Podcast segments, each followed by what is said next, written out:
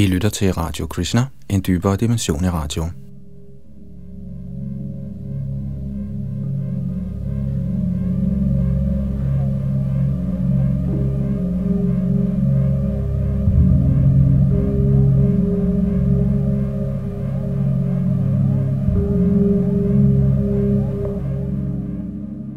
Kapitel 7 i Lalitanats bog Darwin i nyt lys hedder det første liv. Og det er genstand for den kommende udsendelse, hvor Yadunandandas sidder bag mikrofon og teknik.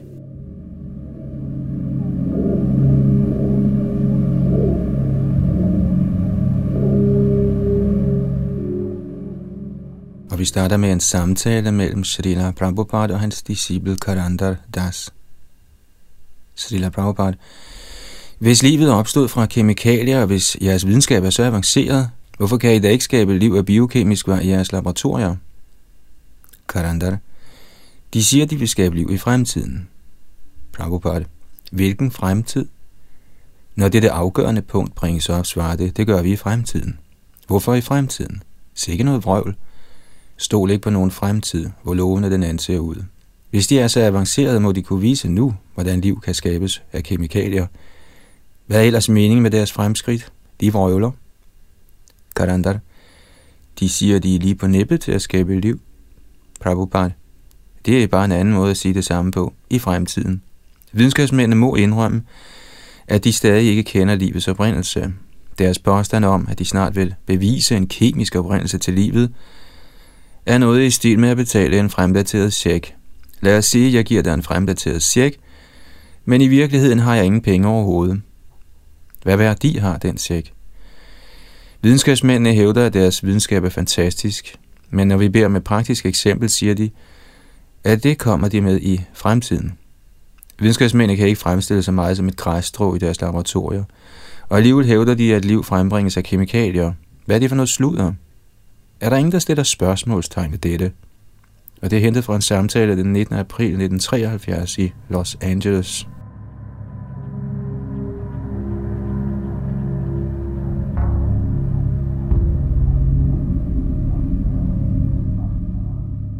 Darwin diskuterede ikke livets oprindelse i arternes oprindelse. I stedet startede han sin teori med den antagelse, at livet allerede eksisterede, om ikke andet så i form af en enkelt eller flere selvkopierende organismer. Fra det punkt teoretiserede han, at millioner af arter opstod. Men selvom man ikke diskuterede livets oprindelse, gjorde han sig nogle afgørende antagelser, der er værd at være opmærksom på.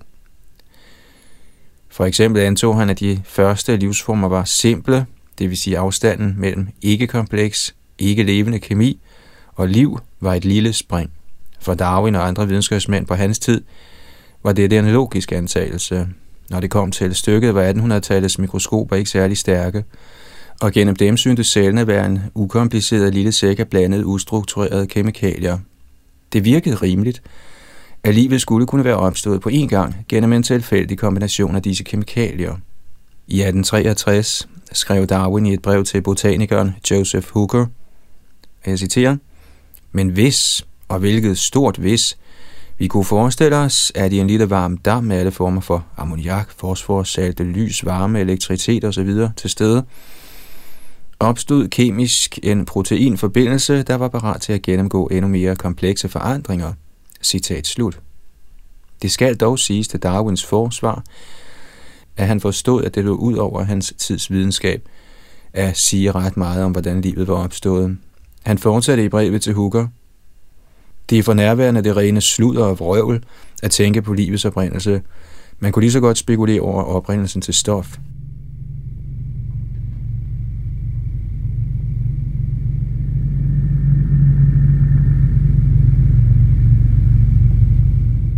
På trods af Darwins advarsel mod at spekulere om livets oprindelse, var ideen om spontan kemisk frembringelse af livet bredt accepteret på Darwins tid, og Darwin selv hældte også til den.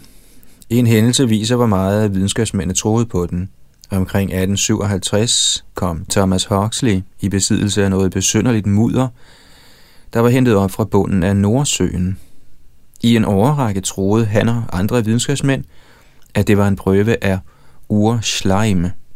det oprindelige slim, livets kemiske oprindelse.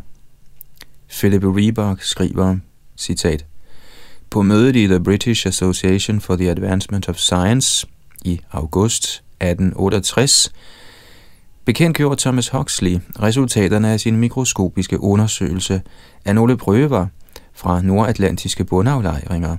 Blandt bestanddelene i disse tilsyneladende lidet spændende prøver havde Huxley fundet nogle påfaldende, som han kaldte det, kornede samlinger, der var omgivet af en tyk masse af klæbrigt materiale, som han beskrev på forskellige måder som klumper af en gennemsigtig, gelatineagtig substans og en farveløs og strukturløs masse. Analyser af materialet havde overbevist Huxley om, at han stod med en ny slags organisme i form af praktisk talt udifferentieret protoplasma. Han gav organismen slægtsbetegnelsen Bathybius efter dets udbredelsesområde i havet og kaldte arten Bathybius hegeli efter sin venner darwinistiske medkæmper Ernst Haeckel. Bathybius hegeli levede i syv korte, men begivenhedsrige år. I 1875 opdagede forskerne ombord på HMS Challenger, da de var nær afslutningen på deres epokegørende sørejse, der grundlagde den nye havforskningsvidenskab, at Bathybius blot var et uorganisk bundfald. På trods af sin åbenlyse forlegenhed indrømmede Huxley beredvilligt sin fejltagelse. Hegel, der havde prist Huxleys oprindelige opdagelse, ville på den anden side ikke give sig så let. For ham var Bathybius både et vigtigt medlem af hans nye klasse af indsættede organismer, Monera, og en hjørnesten i hans mekanistiske livsfilosofi. Citat slut.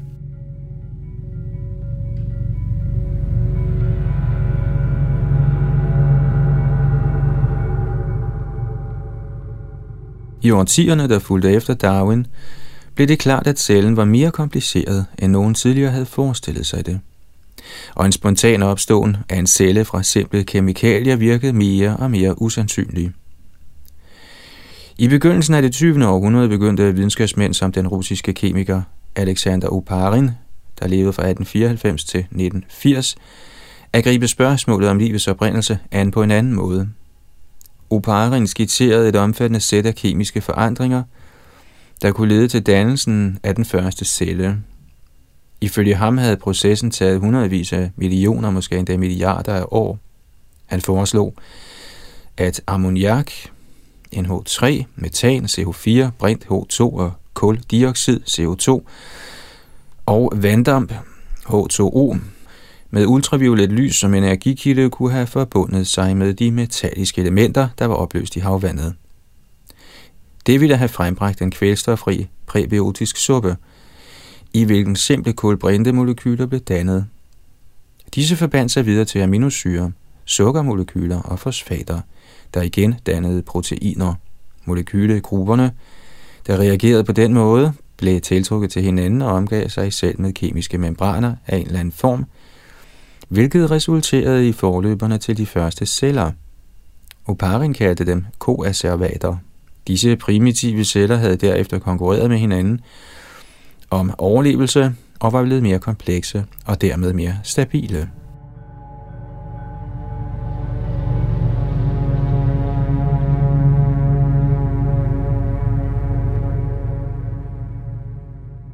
Uparins idéer forblev i det store hele uprøvet indtil 1953, da Stanley Miller, en kandidatstuderende ved University of Chicago, lavede det nu berømte forsøg, der på den tid blev set som en bekræftelse af Uparins hypotese. I laboratoriet sendte Miller elektriske gnister gennem en blanding af metan, ammoniak, brint og vanddamp. En uge senere analyserede han resultaterne og fandt spor af flere aminosyre, Overskrifter over hele verden kundgjorde Millers eksperiment. Videnskabsmændene var nu ved at skabe livets byggesten, som man kunne læse det i magasinet Time. Citat. Kandidatstuderende Stanley L. Miller på 23 fortalte, hvordan han simulerede betingelserne på en primitiv jord og skabte ud af dens atmosfæriske gasser flere organiske forbindelser, der er tæt på proteiner. Citat slut. Nu fortalte Time selvfølgelig ikke, at forskellen på en aminosyre og et protein er noget i stil med forskellen på en mursten og en stor bygning. Alligevel havde forskningen i livets oprindelse aldrig før, eller senere for den sags skyld, oplevet et sådan løft af begejstret interesse, som Millers eksperiment skabte. Mange videnskabsmænd var overbeviste om, at de var på nippet til at opdage livets hemmelighed. Forskningen mangedobledes, da universiteter og forskningsinstitutioner verden over sluttede sig til jagten på den kemiske bane, som livet havde taget.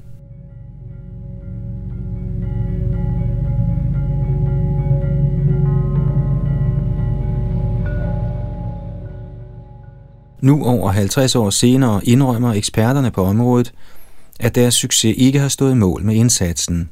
Ja, i Life's Solution fra 2003 indledte Simon Conway Morris et kapitel om forskningen i livets oprindelse med sætningen Dette kapitel er historien om en ynkelig videnskabelig fiasko.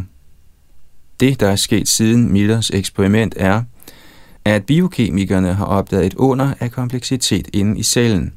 Denne biokemiske revolution, som er det eneste dækkende ord her, blev igangsat af en anden bemærkelsesværdig bedrift. Opdagelsen af DNA'ets dobbelte spiralstruktur, som blev offentliggjort i april 1953, kun fire uger før Miller bekendtgjorde sit eksperiment, af Francis Crick og James Watson, der delte en Nobelpris mellem sig for deres bedrift.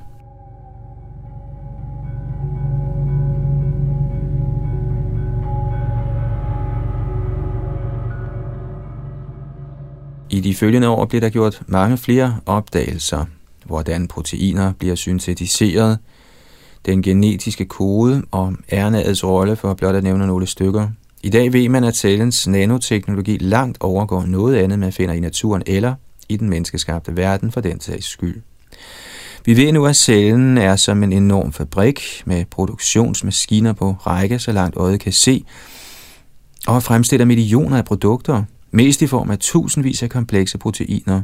Hvert sekund fremstiller en celle omkring 1000 nye proteiner, der i mange tilfælde selv er sindrige nanomaskiner eller dele af andre nanomaskiner, der hver udfører en eller flere funktioner i organismen. Hvad har disse opdagelser betydet for forskningen i livets oprindelse? Selvom de videnskabsfolk, der forsker inden for området, stadig håber, liv kan reduceres til kemi, og at det er realistisk at afdække livets kemiske hemmeligheder, er der ikke længere nogen enighed om, hvad disse hemmeligheder er. Der er teorier, og deres fortaler kan med stor præcision udpege manglerne ved andre teorier. Ingen kan derimod sige med sikkerhed noget som helst om, hvordan livet opstod. Lad os se på nogle af problemerne ved de forskellige teorier om livets oprindelse.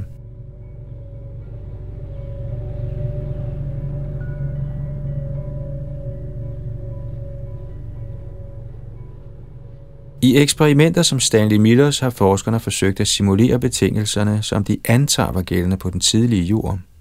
Miller og de fleste andre, der er fulgt i hans fodspor, er således gået ud fra, at den tidlige jord havde en, hvad man kalder, reducerende atmosfære, der betyder en atmosfære uden fri ilt, O2. Dette ser ud til at være en nødvendig betingelse, hvis liv skal opstå, for ilt forhindrer effektiv dannelsen af organiske forbindelser, som aminosyre. Hvis de alligevel skulle opstå i det miljø, ville fri ilt hurtigt ødelægge dem. Man mener derfor, at fri ilt først kom på et senere tidspunkt med planternes udvikling og den deraf følgende fotosyntese. Det har vist sig, at denne antagelse efter al sandsynlighed er forkert. I dag er både geologer og geofysikere enige om, at jordens tidlige atmosfære i virkeligheden indeholdt en betydelig mængde ilt, Selvom dette betyder, at denne frie ilt ikke kan være kommet fra fotosyntese, frembringer andre processer også fri ilt. Et eksempel er fotodisassociation, hvor solens ultraviolette lys spalter vandmolekyler i deres bestanddele brint og ilt. På den tidlige jord ville denne brint have undsluppet jordens atmosfære på grund af sin lethed, og den tungere ilt ville være blevet tilbage.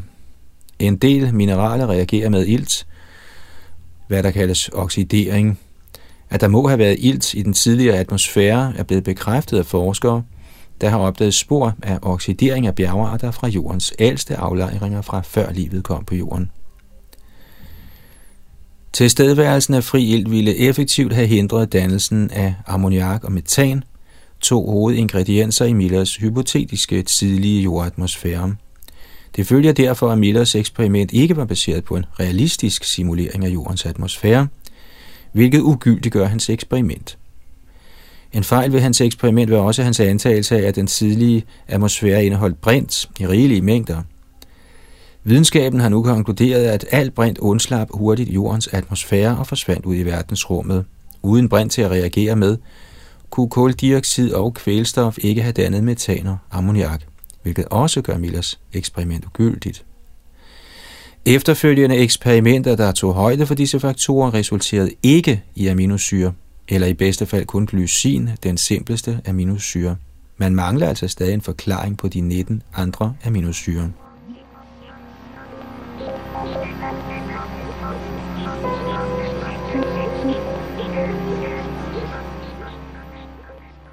Kemisk evolution i bakgear. En anden vanskelighed ved forsøg som Millers er at forklare, hvordan de kemiske forbindelser, der blev dannet, ikke med det samme blev ødelagt. I sit eksperiment fjernede og isolerede Miller de kemiske forbindelser fra gnistudladningen med henblik på efterfølgende analyse. I naturen er der ingen, der fjerner sådanne forbindelser. Den samme energikilde, der skabte forbindelserne, ville efter al sandsynlighed også hurtigt have ødelagt dem.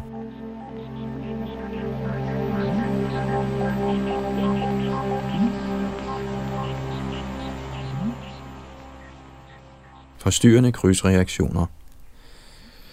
Nok resulterede Millers eksperiment i aminosyre, men der opstod også en masse andre forbindelser. De fleste af disse var irrelevante og i mange tilfælde giftige for liv, som vi kender det. Hvad ville have forhindret aminosyrene på den tidlige jord i at reagere med disse giftige forbindelser?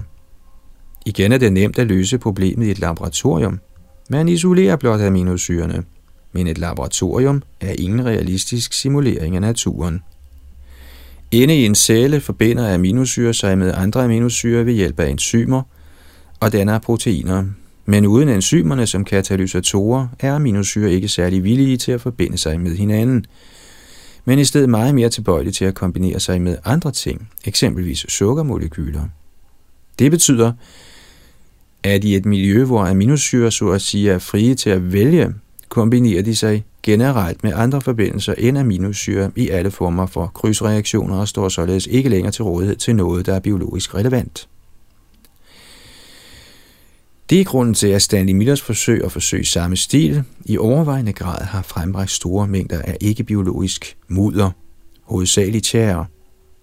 Millers vejleder, Harold Urey, kaldte disse forbindelser Beilstein – et ord, der refererer til et altomfattende leksikon over alle kendte organiske forbindelser.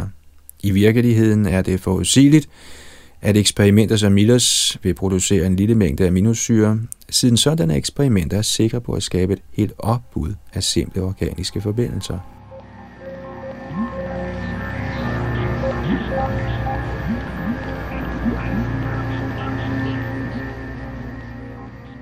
For at Uparins model over livets oprindelse skal holde, må simple biologiske forbindelser have eksisteret i en koncentreret form, en præbiotisk suppe, før de kunne have kombineret sig for at danne de komplekse biologiske makromolekyler, der er nødvendige for liv.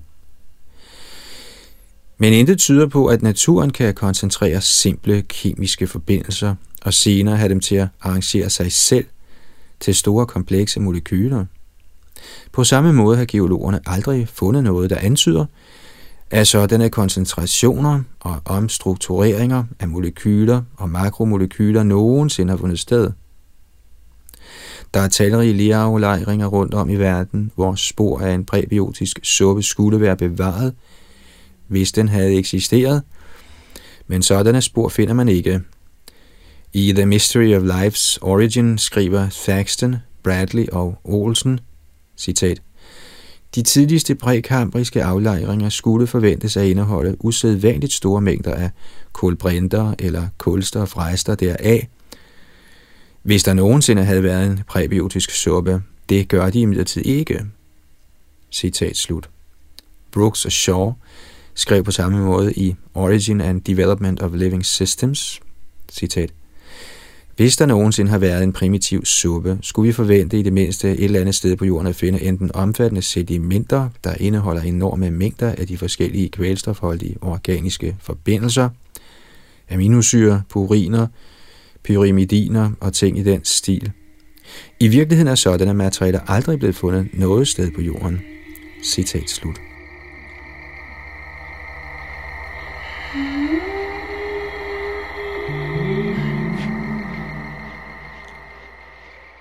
Giv mig den rigtige hånd. Aminosyre eksisterer i to former, nemlig venstredrejet og højredrejet syre. Tag et par handsker. Den højre handske og den venstre handske er identiske, bortset fra at de er hinandens spejlbilleder. På samme måde har venstredrejet og højredrejet aminosyre samme kemiske formel og opbygning, men er spejlbilleder af hinanden. Når aminosyre dannes, enten i laboratorier eller i naturen, undtagen i levende celler, opstår der en lige stor mængde af venstre- og højredrejede aminosyre. Men når proteiner samles i levende celler, indgår der med sjældne undtagelser kun venstredrejede aminosyre. Ingen ved, hvorfor aminosyre kun forekommer i en af to mulige former i levende organismer. Hvis liv er resultat af ikke-styret kemi, må der findes en kemisk proces, der udvælger den ene form af aminosyren og fuldstændig udelukker den anden. På nuværende tidspunkt har man ikke kendskab til en sådan proces. Det samme gælder for de sukkermolekyler, der danner ryggraden i DNA og RNA. Selvom der dannes lige mange højredrejede og venstredrejede sukkermolekyler i laboratorieforsøg såvel som i naturen, det vil sige uden for levende celler, bruger celler kun højredrejede sukkermolekyler, når de opbygger DNA og RNA.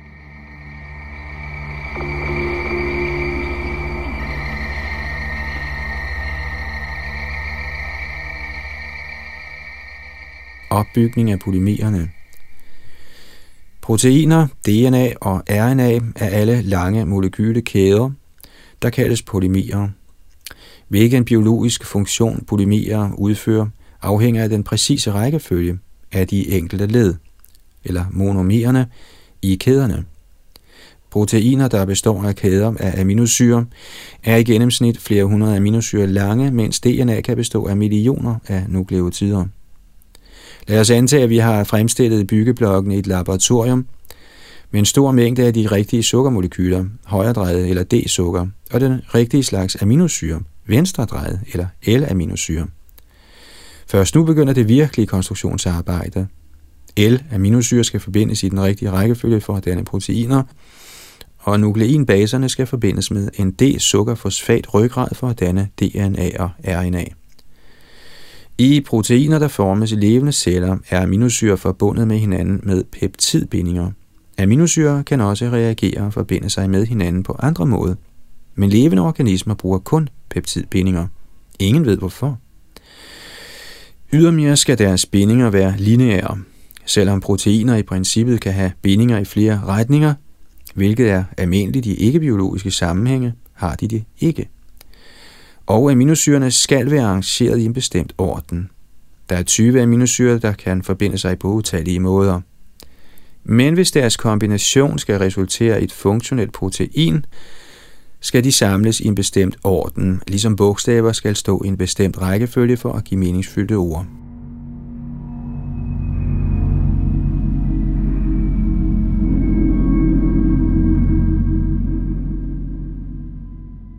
De samme restriktioner gælder for nukleotidernes rækkefølge i DNA. Kun én slags binding, 3,5-fosfodiesterbinding, er biologisk relevant, selvom andre bindinger er fuldt ud ligesom mulige i ikke-biologiske sammenhænge. Celler bruger kun de rigtige slags bindinger, arrangerer de enkelte enheder i den rigtige orden ved hjælp af enzymer og ribosomerne – i midlertid forudsætter enzymer og ribosomer hele DNA-RNA-proteinmaskineriet. Siden det er præcis dette, som forskning i livets oprindelse forsøger at forklare, kan man selvfølgelig ikke starte med dette maskineri, hvis man vil forklare, hvordan det kom der til at begynde med. Næsten ingen forskere i livets oprindelse har så meget som forsøgt at forklare, hvordan dette høne- og æg-arrangement opstod. Disse eksempler giver blot en antydning af de konstant voksende problemer, som forskerne i livets oprindelse er rent ind i, Stanley Miller indrømmede allerede i 1991, Citat. Livets oprindelse har vist sig at være et meget mere vanskeligt problem, end jeg og de fleste andre havde forestillet os. Citat slut.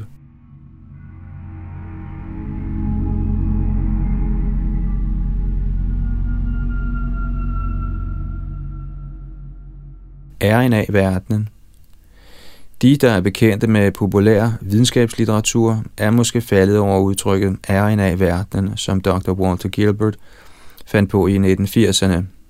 Han foreslog, at de første præbiotiske livsmolekyler ikke var proteiner eller DNA, men RNA. RNA kan ligesom DNA oplære information, men også ligesom proteiner katalysere reaktioner. Gilbert foreslog derfor, at RNA kan have været starten på udviklingen af det cellulære liv og udvikle sig til den verden af DNA og proteiner, som vi har i dag.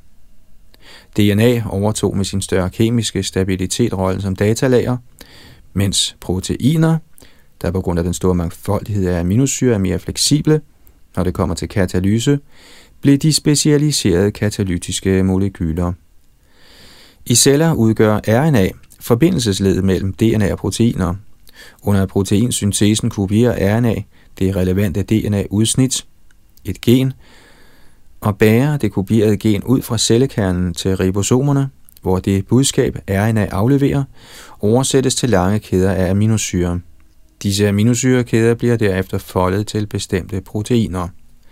Dermed har RNA træk til fælles med både DNA og proteiner – Ligesom DNA bærer RNA genetisk information, og ligesom proteiner er det involveret i katalyse. Gilbert og andre mente derfor, at RNA kan have været den første polymer, der opstod af sig selv på jorden. DNA og proteiner vil i så fald have været en senere udvikling.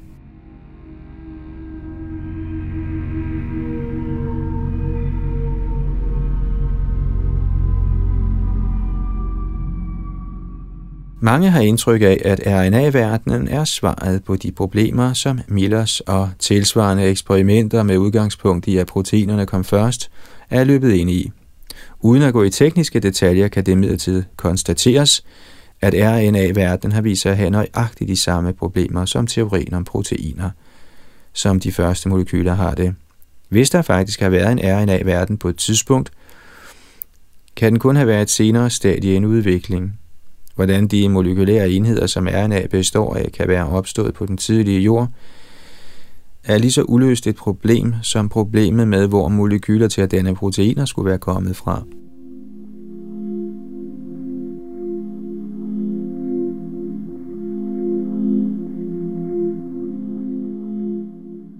I dag anser ledende forskere i livets oprindelse ikke RNA for at være en sandsynlig kandidat til at være den første relevante kemiske forbindelse, der opstod spontant. Disse forskere indbefatter Leslie Orgel og Gerald Joyce, sandsynligvis de mest citerede forskere i livets oprindelse de sidste årtier. Gerald Joyce skrev i 2002, citat, Hvis RNA's byggeblokke var til rådighed i det præbiotiske miljø, hvis disse forbandt sig til polynukleotider, og hvis nogle af disse polynukleotider begyndte at formere sig selv, kan RNA-verdenen måske godt være opstået som den første livsform på jorden, men ud fra vores nuværende viden om præbiotisk kemi, er det usandsynligt, at det er tilfældet. Citat slut. Joyce's kommentar understreger, hvad Hannah Orgel skrev i 1999. Citat. Således tyder kendskærningerne på, at tilstedeværelsen af selv korte nukleinsyre for 4 milliarder år siden nærmest ville have været et mirakel. Citat slut. Nukleinsyre er RNA's byggeblokke. Robert Shapiro, professor i kemi ved University of New York, nåede til samme konklusion i 2007. Citat. Ingen fysisk lov behøver at blive brudt for, at RNA kan dannes spontant, men sandsynligheden, der taler imod det, er så umådeligt stor, at teorien antyder, at den ikke levende verden havde et instinktivt ønske om at danne RNA. De fleste af de forskere i livets oprindelse, der stadig støtter teorien om RNA som det første liv, accepterer enten dette, underforstået, hvis ikke ligefrem åbent, eller mener, at de umådelige ugunstige sandsynligheder simpelthen blev overvundet ved held. Citat slut.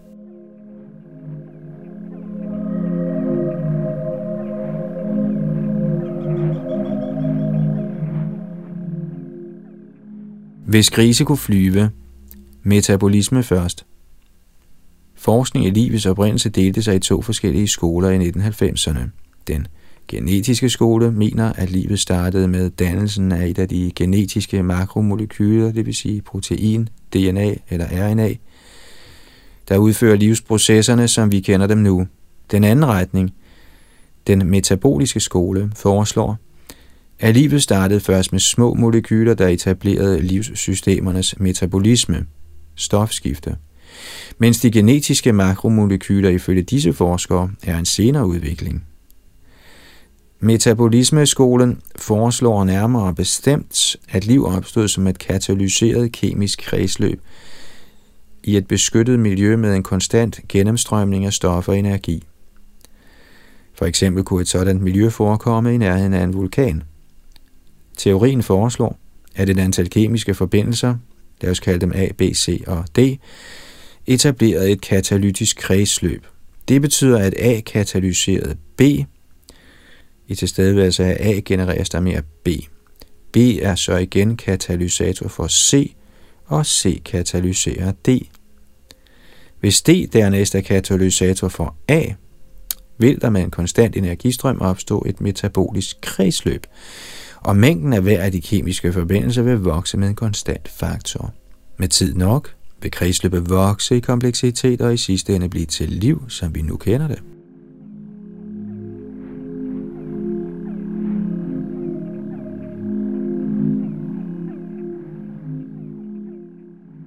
Selvom forskere som Robert Shapiro anser dette for det mest sandsynlige udviklingsforløb, kom Leslie Orgel med en sønderlemmende kritik af teorien i sin sidste afhandling, der blev udgivet posthumt i januar 2008. Dr. Orgel døde i oktober 2007. Blandt andre indvendinger gjorde han opmærksom på den fuldstændige mangel på beviser for teorien. I afslutningen skrev han, citat, Næsten alle forslag om hypotetiske metaboliske kredsløb har erkendt, at et hvert af de involverede skridt skal ske hurtigt nok, hvis kredsløbet skal være til nogen nytte inden for den tid, der er til rådighed for dets forløb. Det bliver altid antaget, at denne betingelse er opfyldt, men i intet tilfælde er der blevet fremlagt overbevisende understøttende argumenter. Hvorfor skulle man tro, at et samspil af mineraler, der kan katalysere de mange skridt i det omvendte citronsyrekredsløb, fandtes noget sted på den primitive jord, eller at kredsløbet på mystisk vis havde arrangeret sig selv topografisk på en overflade af metalsulfid. Manglen på en understøttende baggrund i kemi er endnu mere åbenlys, når det kommer til forslag om, at metaboliske kredsløb kan udvikle sig til livslignende kompleksitet. Den mest alvorlige udfordring for fortalerne for metaboliske kredsløbsteorier – det vil sige problemerne i form af mangel på specificitet af de fleste ikke-enzymatiske katalysatorer, er generelt ikke blevet påskyndet. Hvis de er det, er de blevet ignoreret. Teorier om livets oprindelse, der tager udgangspunkt i metaboliske kredsløb, kan ikke retfærdiggøres ved konkurrerende teoriers utilstrækkelighed. De må stå på egne ben. Citat slut. Dr. Orgels sidste ord var sarkastiske, Citat, men løsninger, som gives af tilhængerne af genetiske eller metaboliske udviklingsforløb, der er afhængige af, hvis krise kunne flyve, hypotetisk kemi, er sandsynligvis ikke til nogen hjælp. Citat slut. Robert Shapiro og Leslie Orgel er to eminente forskere i livets oprindelse og repræsenterer to forskellige opfattelser. Men det, der nok springer mest i øjnene er, at selvom ingen af dem sikkert vil indrømme det, underminerer deres dygtige kritik effektivt begge positioner.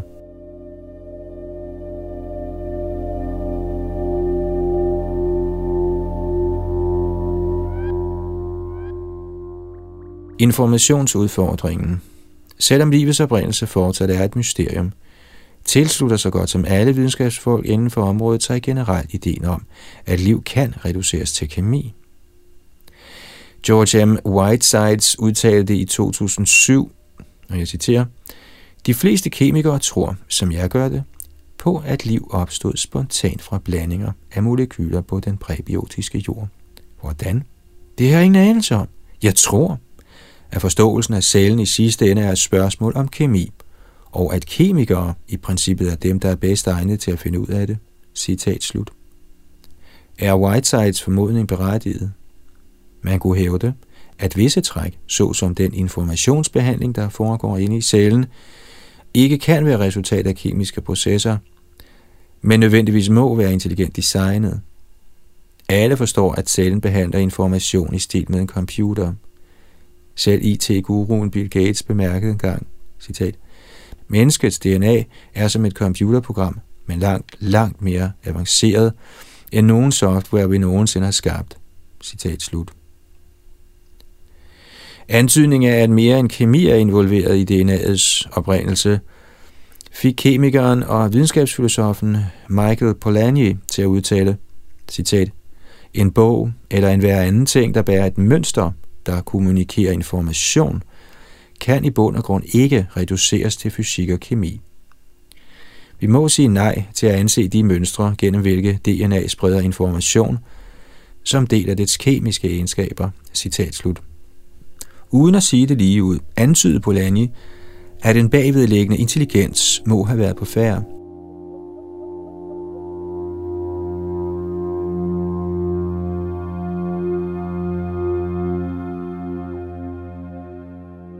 Ifølge Polanyi kan informationen i DNA lige så godt reduceres til kemi, som idéerne i en bog kan reduceres til papir og tryksværte. Selv hvis man analyserede papirets og tryksværtens kemiske egenskaber ned til mindste detalje, ville man ikke kunne få den mindste anelse om indholdet eller budskabet i eksempelvis den tekst, vi arbejder med lige nu. Indholdet er noget helt andet end papir og tryksværte. Dets oprindelse er en helt anden end det medium, der bruges til at viderebringe det. Indholdet eller budskabet kan overføres til tusinde og et forskellige medier, uden at dets betydning på nogen måde bliver påvirket.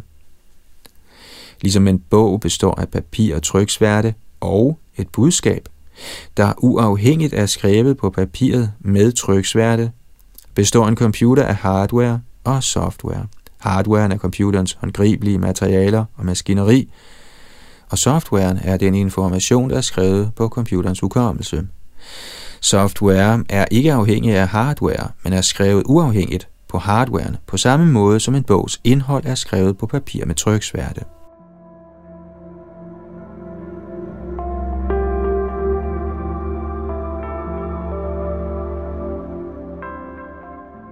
På samme måde har DNA også sin hardware og software. Sukker- og fosfatmolekylerne sammen med de fire nukleinbaser, adenin, cytosin, guanin og thymin, kemikalierne som DNA består af, er DNA's hardware, og den pågældende sekvens, som DNA's nukleinbase er arrangeret i, er softwaren. En computersoftware er skrevet med en binær kode, der består af en lang række ettaller og nuller. Når det kommer til DNA, er koden ikke binær, det vil sige et totalsystem, men kvartær, det vil sige en kode med fire nukleotide bogstaver A, C, G og T. Nukleinbasernes rækkefølge langs DNA-strengen koder for al den information, en celle har brug for til at udføre hver eneste af de mange tusinder af funktioner i en levende organisme.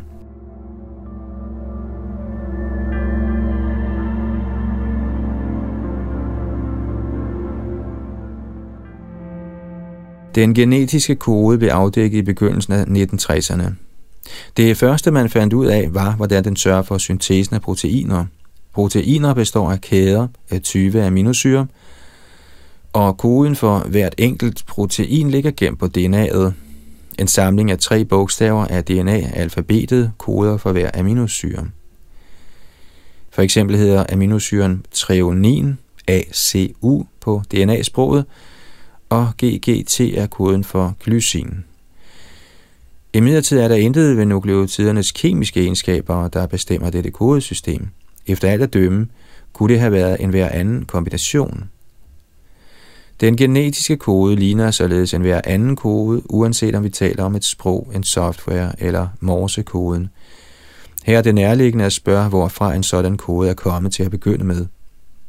Intet kemisk bestemmer koden, hvilket taler imod ideen om, at koden har en kemisk oprindelse. Alle koder, hvis oprindelse vi kender, har oprindelse i en intelligens. Et nærliggende forslag er derfor, at den genetiske kode også må have en intelligent oprindelse.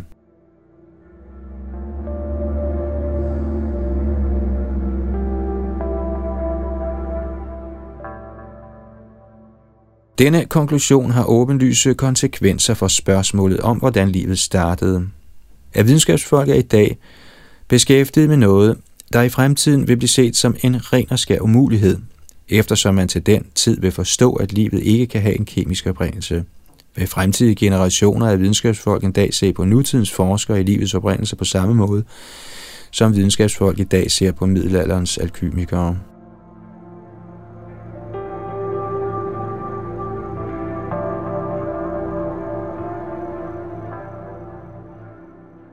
Spørger Lalitanat her til sidst i syvende kapitel, det første liv, i sin bog Darwin i nyt lys, her oplæst af Yadunandandas. Næste gang er det kapitel 8.